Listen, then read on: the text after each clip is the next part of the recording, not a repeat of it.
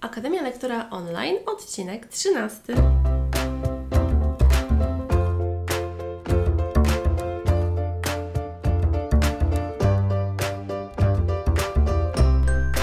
Lektora to podcast, który powstał, aby pomóc Ci w efektywnym uczeniu online.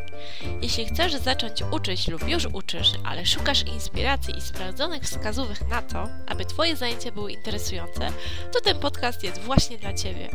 Pokażę Ci, co jest potrzebne do poradzenia sobie ze spotkaniami online i opowiem, jak wykorzystać to w Twojej pracy. Znajdziesz tutaj narzędzia, wskazówki, porady, inspiracje. Zapraszam, Ewa Ostarek.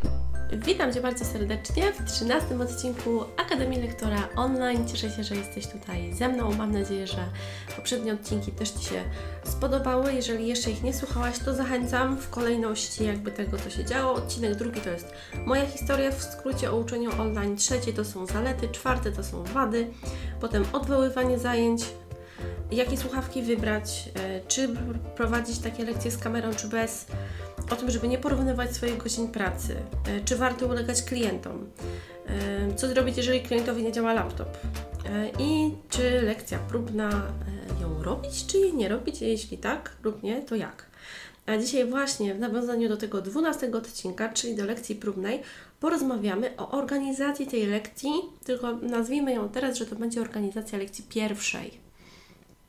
Czyli y, załóżmy, że to jest y, taka lekcja, y, w której, na której spotykasz się z klientem. Ponieważ no, niektórzy mówią, że jest to może być lekcja bezpłatna, czy jakaś pokazowa, czy próbna, a potem pierwsza. Załóżmy sobie taką opcję mieszaną, że to jest osoba, która do Ciebie trafia po raz pierwszy i to pierwsze takie spotkanie też jest nieco inne. I co tu warto wziąć pod uwagę, żeby ono było efektywne zarówno dla Ciebie, no i dla klienta, a dla Ciebie pod względem takim, żebyś poznała jak najwięcej rzeczy związanych z tym klientem, żeby potem łatwiej było podjąć decyzję, czy na przykład też, też z taką osobą współpracować, bo to oczywiście nie jest powiedziane, że każdy klient, który do Ciebie trafi na takie spotkanie, to będzie Twoim klientem, nawet jeżeli chce, tak? Jeżeli jest ewidentnie no nie ma jakiejś takiej chemii, jak to się mówi, to prędzej czy później tak dojdzie do skończenia takiej współpracy, więc lepiej, jeżeli masz taką możliwość, e, współpracować z osobami, z którymi sama chcesz i po prostu, które czujesz. Czyli taka nauczycielska intuicja, bo to też jest istotne. No więc y, zacznijmy od tego, że jak się do takiej y, lekcji pierwszej przygotować. Jeżeli to jest e, osoba, czyli klient potencjalny, czy już klient, z którym wcześniej nie miałaś nic wspólnego, to ja bardzo polecam stworzenie kilku pytań do zadania tej osobie. I to może być w formie wysłanego maila, może być to w formie ankiety w Google Docs albo w jakimś typeformie, czy w jakimkolwiek innej opcji internetowej. Weź tylko pod uwagę, żeby to było naprawdę proste i żeby te, pytania nie zajmowały też nie wiadomo ile miejsca. Czyli załóżmy 5-6 pytań maksymalnie, żeby ten klient też Ci na te pytania odpowiedział. No i o co możesz pytać?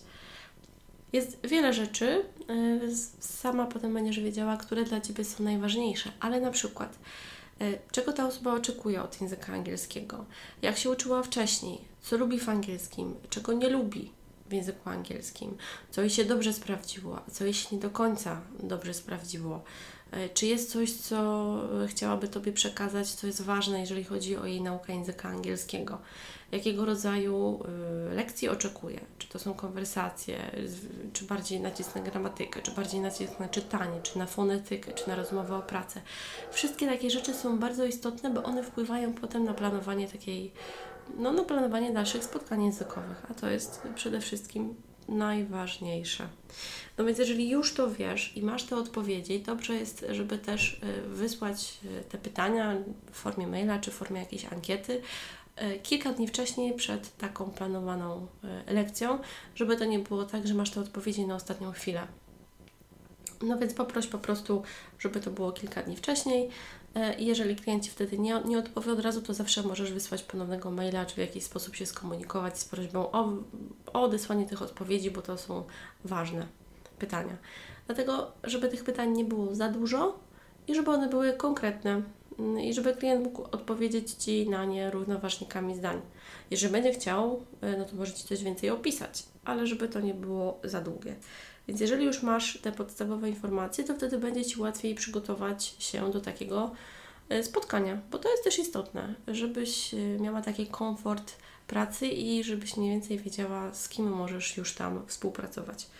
Jeżeli chodzi o to, co, co możesz jeszcze zrobić przed, takim, przed taką lekcją, to jeżeli prowadzisz lekcję za pośrednictwem Skype czy jakiegokolwiek innego komunikatora czy programu, to dobrze jest też od razu dobrze się namierzyć w sieci, żeby było wiadomo, że na przykład ta Janina Kowalska to jest ta, z którą będziesz miała spotkanie językowe.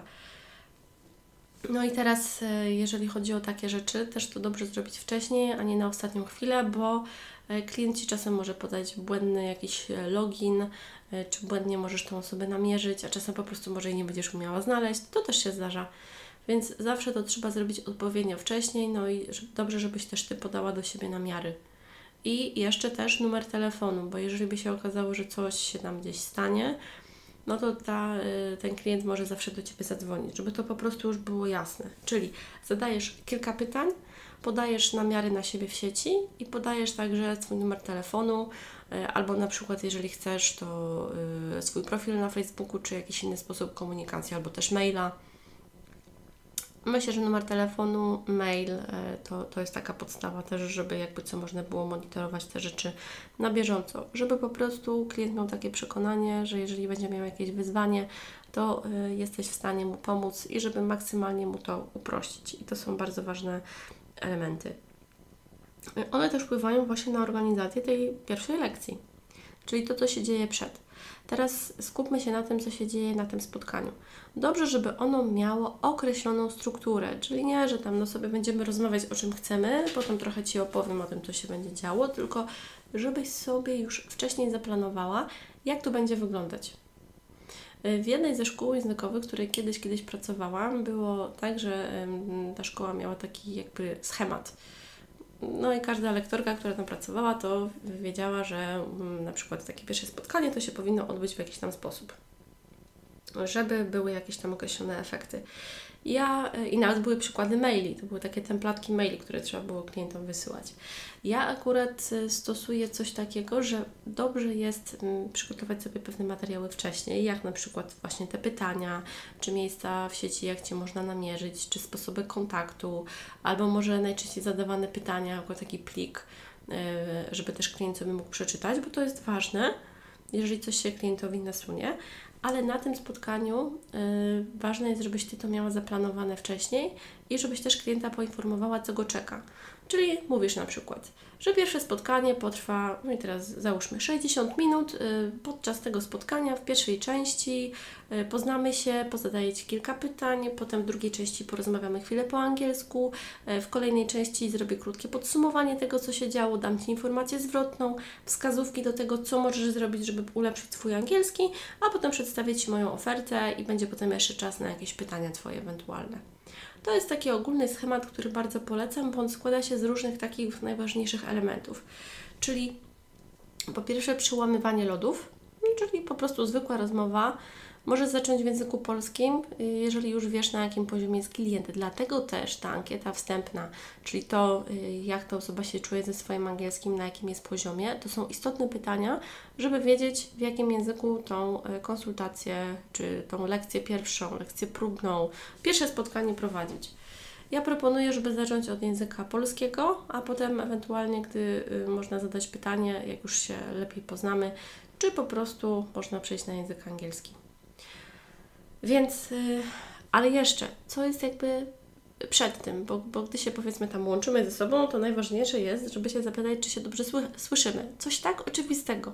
Ale zdarzyło się na przykład tak, że klient miał źle podpięte słuchawki, albo że były jakieś trzaski, albo że go nie było słychać, no że coś tam było nie tak. Więc najważniejsze to jest to, żeby y, wiedzieć, czy się dobrze słyszymy.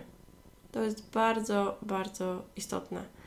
I gdy już będziesz wiedziała, że się dobrze słyszycie, czy jeżeli prowadzisz zajęcia z kamerą, czy się dobrze widzicie, czy jest wszystko dobrze, e, to też sprawdzasz sobie, jakie masz połączenie internetowe i wiesz, czy ta osoba też ma dobre łącze internetowe. To są ważne rzeczy. E, no oczywiście można to łącze internetowe sprawdzić wcześniej, korzystając z testów łącza, ale najlepiej to zrobić, jeżeli jest się wtedy razem y, połączonym, bo to wtedy najlepiej można sprawdzić.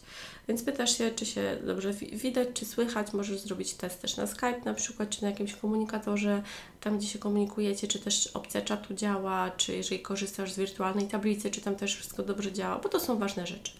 A potem przechodzisz do takiej y, krótkiej rozmowy, zwykłej, żeby też trochę przełamać lody, jak to się mówi.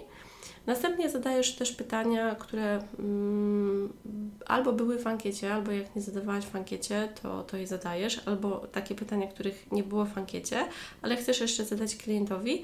Ważne też, żeby on dużo mówił, żeby Ci opowiadał o tym, co jest dla niego najważniejsze, no bo to on tutaj jest gwiazdą, więc chcemy dać mu takie poczucie, że może się wypowiedzieć na ten temat związany z językiem angielskim i uczeniem i poznawaniem. Więc to jest też istotne. Potem, jeżeli e, poziom klienta na to pozwala, no bo jak ktoś zaczyna od poziomu 0, no to wtedy nie możesz tego zrobić, ale gdy zaczyna, nie zaczyna, ale już jest na jakimś tam poziomie, to proponujesz krótką rozmowę po angielsku i od Ciebie zależy, ile ona trwa.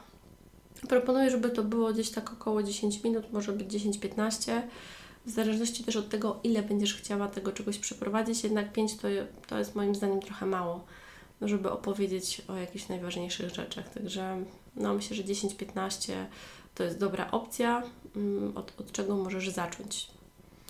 No więc wtedy przy takiej rozmowie po angielsku też możesz się przekonać, jak ta osoba Cię rozumie. Ja zaczynam od tego, że y, opowiadam kilka na początku rzeczy takich technicznych, czyli że jeżeli ta osoba będzie miała problemy ze zrozumieniem mnie, albo jeżeli będę mówiła za szybko, albo jak jej będzie brakowało słowa, to zawsze może mi powiedzieć, może zrobić przerwę, może sobie sprawdzić w słowniku internetowym. To są też takie y, rzeczy wpływające na bezpieczeństwo. No bo gdy osoba chce się uczyć języka angielskiego, to może mieć jakąś blokadę związaną na przykład z mówieniem, czy się może czuć mniej pewnie, a możecie się przecież nie znać. I o to też chodzi, żeby poczuć się bardziej komfortowo.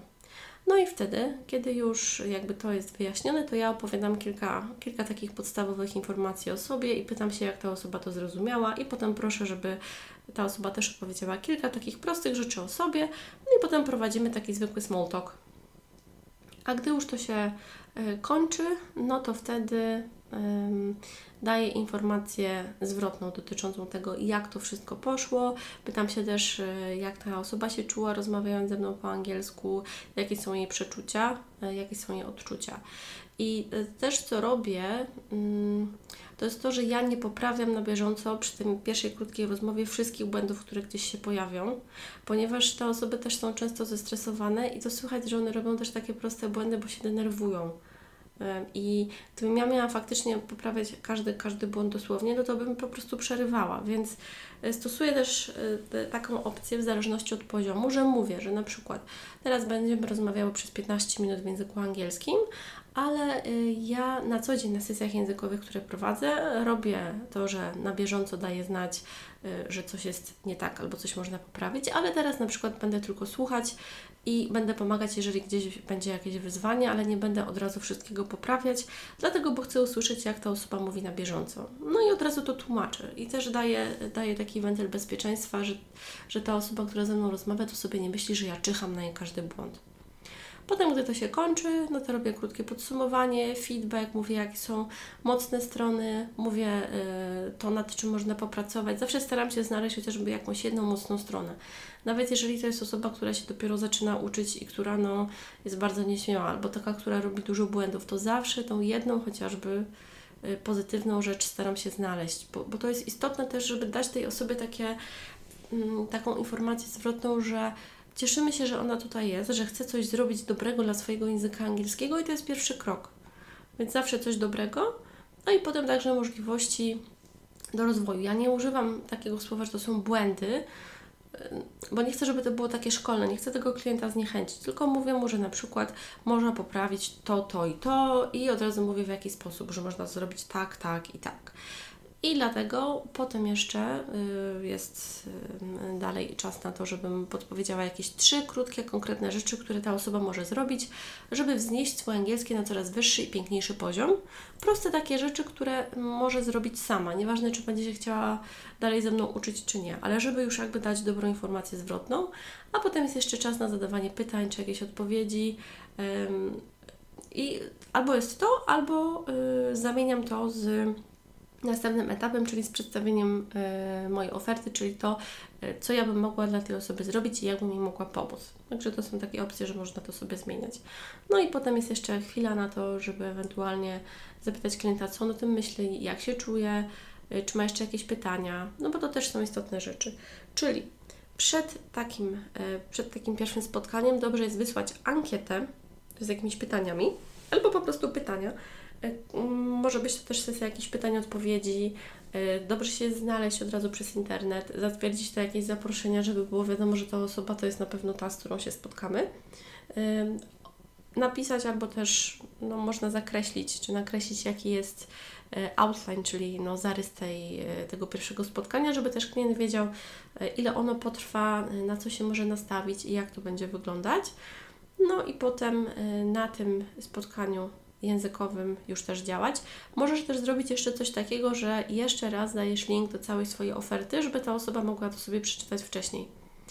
No bo jeżeli ona, ta osoba sobie to przeczyta wcześniej, no to będzie wiedzieć, y, czy może się pojawią jakieś pytania. No i wtedy następuje y, to spotkanie, czyli tak jakby pytasz się, czy się dobrze y, słychać, czy dobrze słychać, czy dobrze widać, czy wszystko jest w porządku z połączeniem, przełamywanie lodów, zadawanie pytań, odpowiedzi, słuchanie klienta bardzo dobrze, potem rozmowa po angielsku, potem podsumowanie tej rozmowy, informacja zwrotna, trzy konkretne rzeczy, które ta osoba może zrobić a w tej informacji zwrotnej co najmniej jedna dobra rzecz i trzy możliwości do rozwoju, czyli jakby mówimy, co ta osoba zrobiła źle i jak może nad tym popracować.